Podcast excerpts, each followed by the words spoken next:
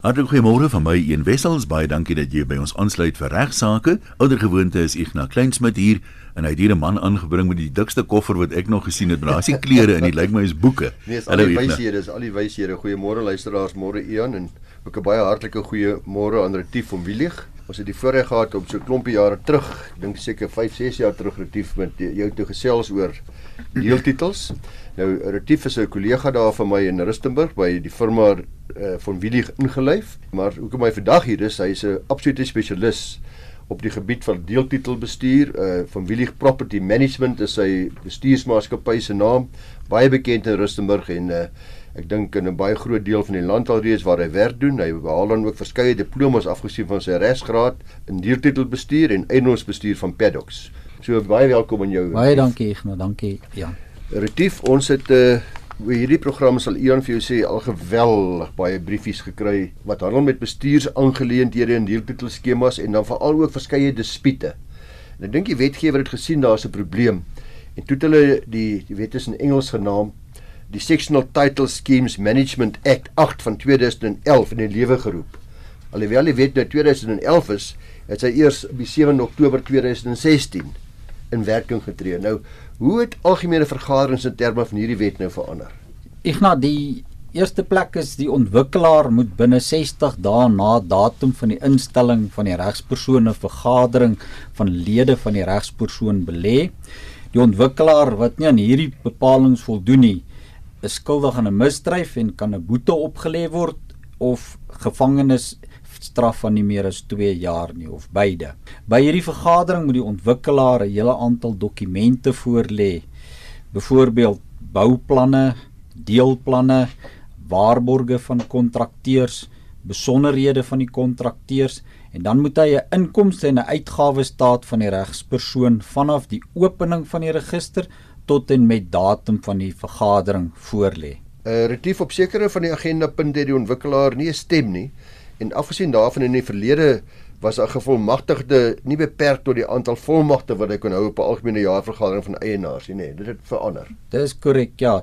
Dit het gebeur dat iemand in 'n skema so rondloop en versoek het dat volmagte aan hom of haar gegee word. Ja, hy werf stemme ehm um, hy of sy eindig dan met 'n handvol volmagte en kon bepaal wat op die vergadering gebeur het. En nou is daar beperking op volmagte. Dis reg. Die bestuurswet bepaal nou dat niemand meer as 2 volmagte mag hê nie.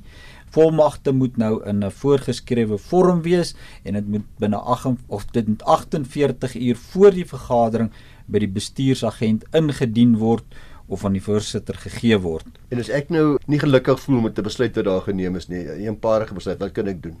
Eenparige besluite werk nou so 'n persoon wat nadelig beïnvloed is of word deur hierdie eenparige besluit moet toestemming gee dat hierdie besluit mag deurgaan indien hy daardie toestemming nie gee nie gaan die besluit nie deur nie maar 'n regspersoon is in staat om die omboedsdienste nader sodat hierdie besluit kan deurgaan.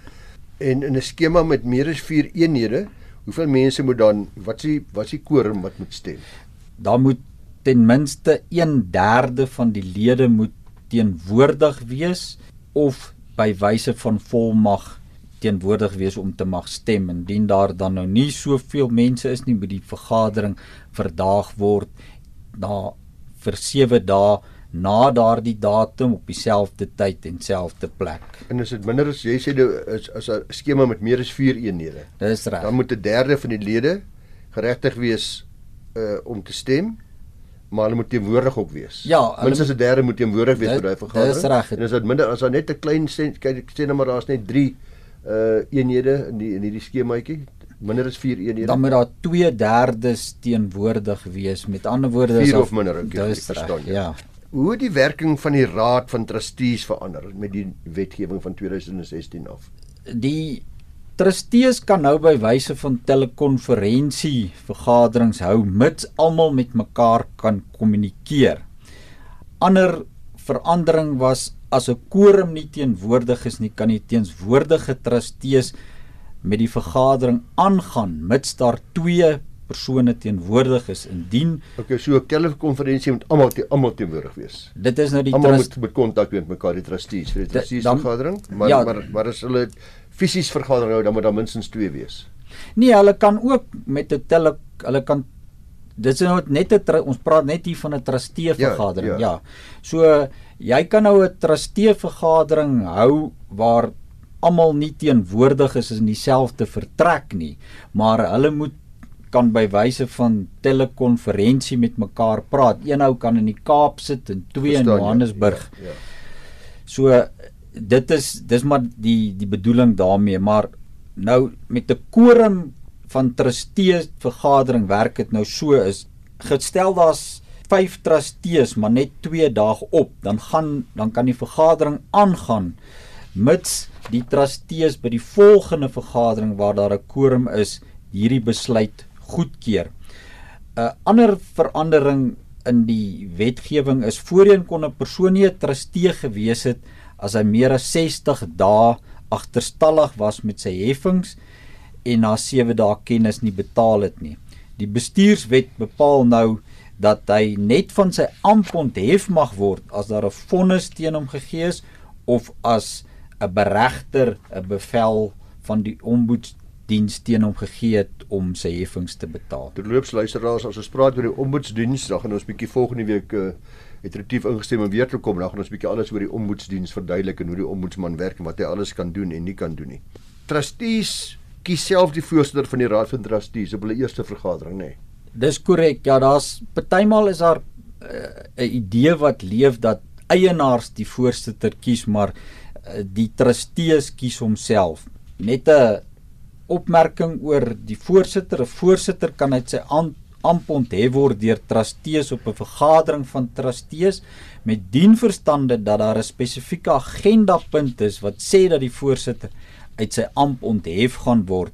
Eienaars kan ook 'n algemene vergadering roep en die voorsitter uit sy amp onthef weer eens met die voorbehou dat daar sodanige agendapunt is. Hoeveel mense moet stem dan daarvoor? Net 'n gewone meerderheid. Dis reg, ja. Net dis nie 'n spesiale besluit nie. Goed, maar as hy dan nou van sy amp as voorsitter onthef is, bly hy nog 'n trustee. Dis korrek, ja, hy bly in sy amp. Jy nou nou gesê trustee kan net onthef word met die vonnis en deur 'n beregter deur die ombudsdiens. Ja, die eh, trustees kan nie as 'n trustee op eh, in die verlede kan hy slegs uh, het, is hy onthef as hy nie sy heffings Ja, op ja, datum maar nou het jy gesê nou is dit net 'n vonnis. Dis reg, dis Ja. reg, ja. Uh hoe gaan 'n regspersoon te werk sal die reëls van die skema wil wysig? Goed, in die eerste plek word daar 'n spesiale vergadering geroep en dan word die konsep reëls wat hulle wil verander voorgelê. Dan moet die bestuurs hierdie konsep en bestuursreëls by die omboetsdiens ingedien word. Indien die omboetsdiens tevrede is met die geldigheid van die van hierdie reëls, sal 'n sertifikaat uitgereik word.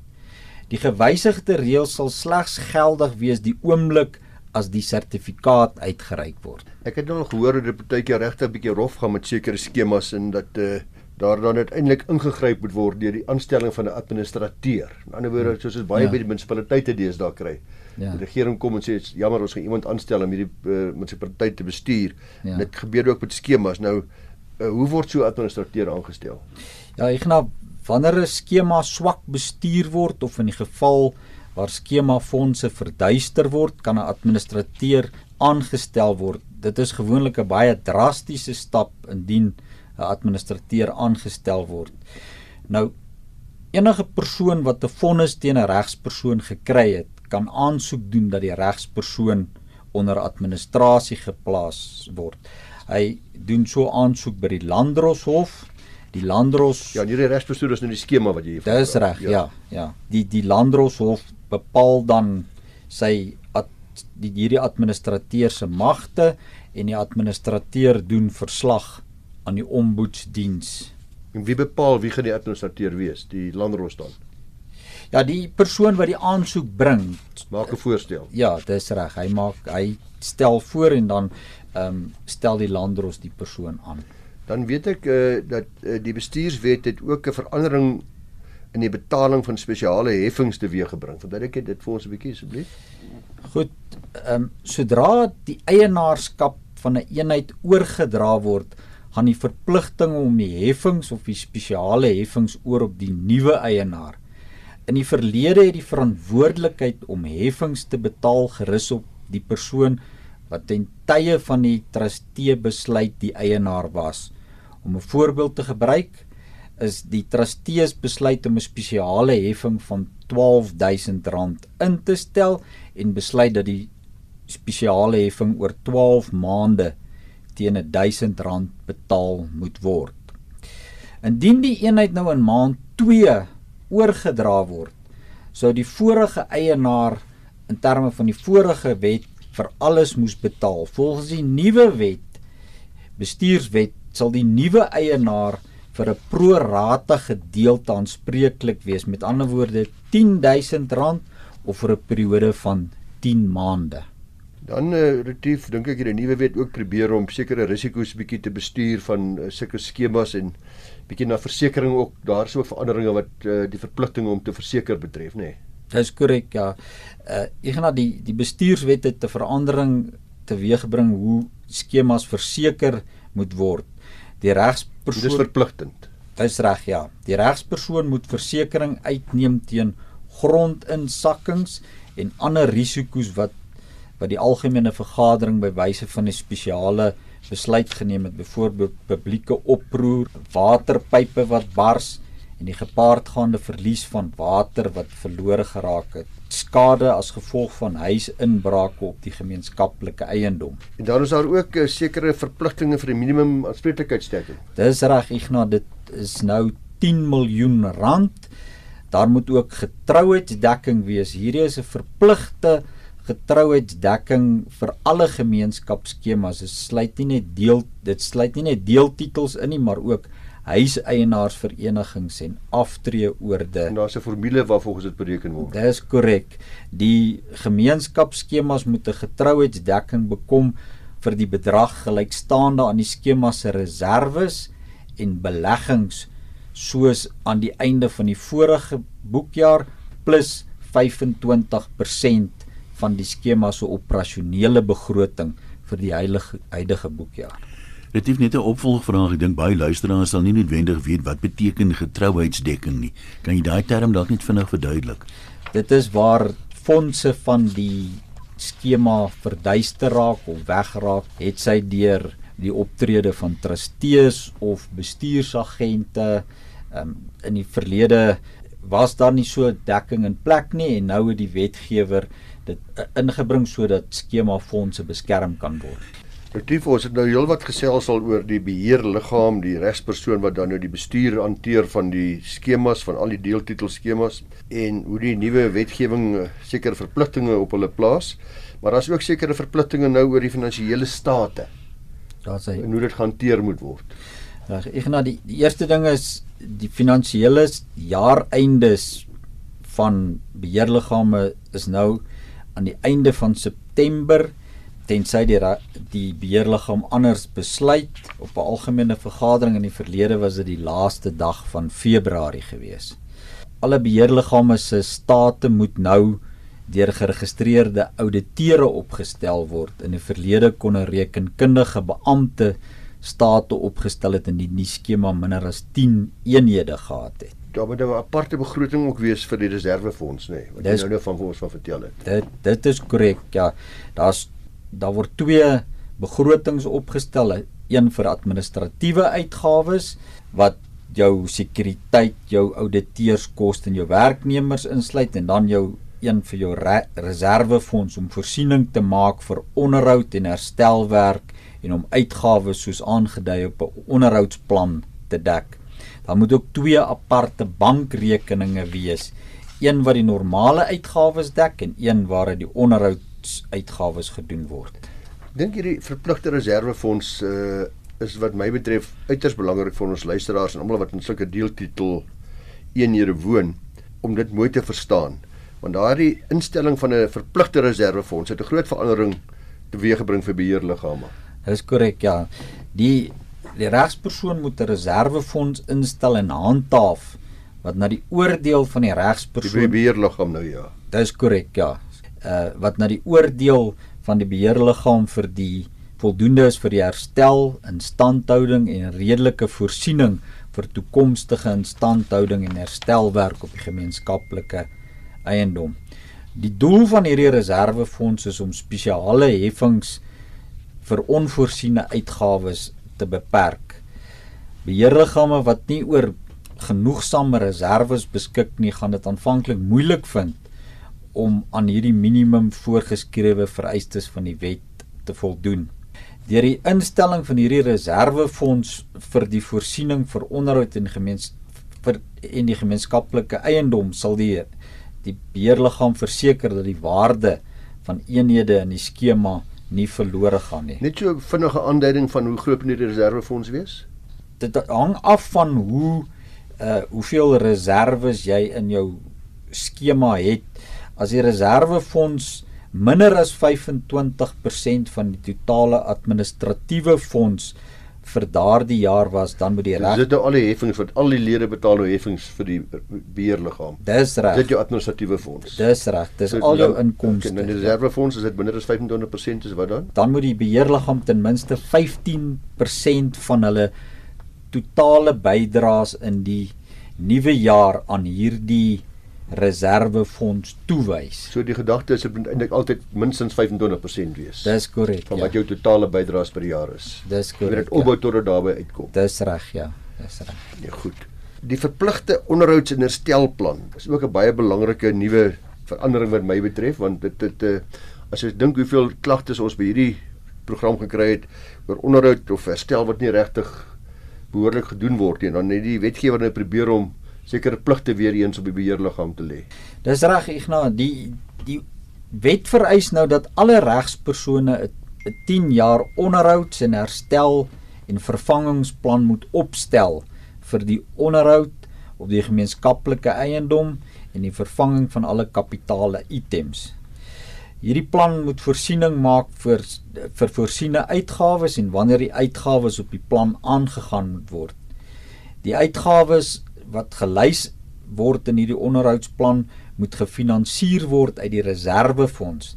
Derhalwe moet die regspersoon die opstel van begrotings hierdie plan en gepaardgaande koste in gedagte hou. Ek weet nou dat hoe moet ek dit goedkeur? Kry ek 'n kans om daarna te kyk? Dis reg, ja, hierdie plan word elke jaar op die algemene vergadering voorgelê. Ouditeure en trustees moet jaarliks verslag doen aan die lede van die beheerliggaam ten opsigte van die implementering en uitvoering van hierdie plan om sodoende seker te maak dat behoorlike onderhoud in die skema gedoen word. En jy weet nou 'n uh, eh, bestuursagent is vir baie sulke skemas. Wie stel nou eintlik hierdie onderhoudsplan op? Want dit kan nie seker nie net 'n leek wees nie. Nee, daar moet kundiges wees. Ignas, daar in die mark is daar mense wat spesifiek opgelei is en sulke planne opstel en hulle is is beskikbaar om beheerliggame te help. Ja.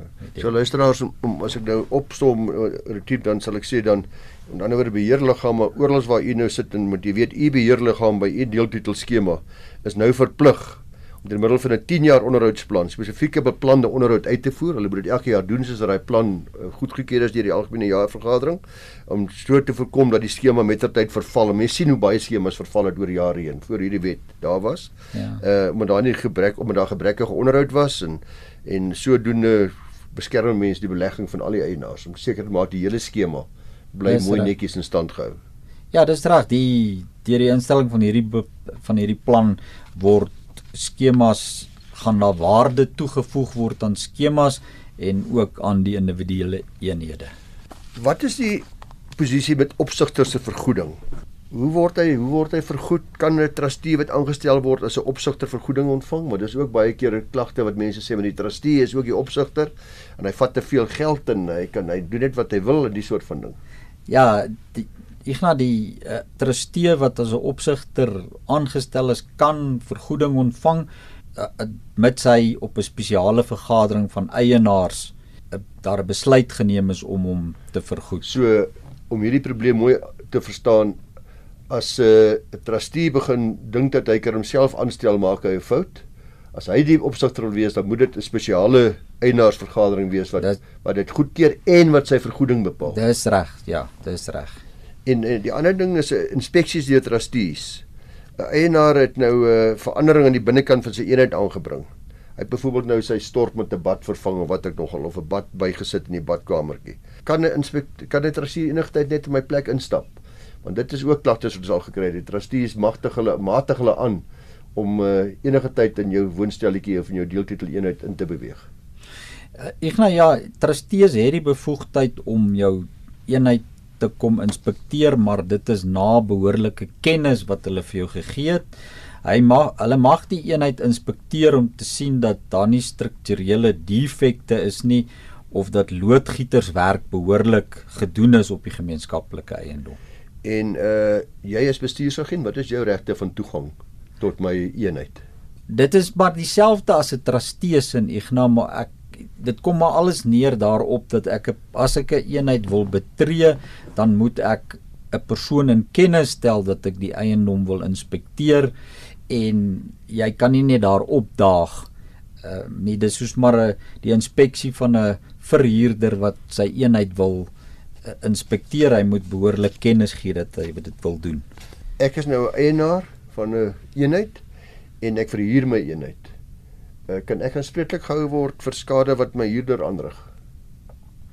Nee, as die eienaar die gemeenskaplike eiendom beskadig het, sal die regspersoon of behuurder nou praat jy van. Ja, nee, ek praat nou uh uh ekskuus, nee, as die ja, die inwoner, dis nou ja, reg. Die, die in, ja, dis reg. Die huurder die gemeenskaplike area, hy ry nou byvoorbeeld in die in 'n muur vas. Ehm um, dan sal die beheerliggaam 'n deliktuele eis teen hom kan instel. Dit gebeur baie maal dat beheerliggame eise wil instel teen eienaars vir die skade wat hulle huurders of inwoners aanrig maar die die regsposisie is dat daar nie so eis teen 'n eienaar is nie. Uh wie's verantwoordelik? Want is ook 'n probleem wat ek sien dikwels uh, misverstande veroorsaak om byvoorbeeld jou geyser te onderhou. Ja, die die eienaars is verantwoordelik vir geysers. Igna, ehm um, hierdie is 'n probleem wat ons van tyd tot tyd eh, mee te doen het. Eienaars sê maar die geyser sit binne in die dak van die eenheid. Ehm um, dis op die gemeenskaplike eiendom. Hy is nie verantwoordelik daarvoor nie. Ongelukkig bepaal die bestuurswet na, en maar dit was al in die verlede ook so gewees dat die eienaar wat bedien word deur hierdie geyser. Hy is verantwoordelik om hom te onderhou. Ehm um, dit gebeur soms dat die geyser geyser bars. Ehm um, die bybetaling om daai geyser te vervang is dan gewoonlik of nie gewoonlik nie dit is altyd vir die rekening van die eienaar wie se eenheid bedien word deur daai geyser. Retief ons het nou Vandag bespreek die wet op community schemes wat op 7 wat in Oktober 2016 in werking getree het. Uh dis die Community Schemes Ombud Services Act 9 van 2011 en soos die wet se naam aandui, handel dit veral ook met 'n ombudsdiens. En uh luisteraars, ons gaan volgende week volledig vir u sê wat die regte en die pligte is en hoe hierdie ombudsdiens werk en hoe uh, hoe dit 'n uh, groot verskil gemaak het in die lewens van ons almal wat in deeltitel komplekse woon. So baie dankie Retief. Ek weet nie of jy dalk jou uh, e-posadres net vir die luisteraars wil gee nie. Hoe moet jy ja, dalk wil skakel of kontak maak nie? Dankie Ignas. Die e-posadres is retiefvw@telkomsa.net. Raal hom net vir ons. retiefvw by telkomsa.net. Ek sê vir jou baie dankie. Ons is volgende week terug met nog regsaake.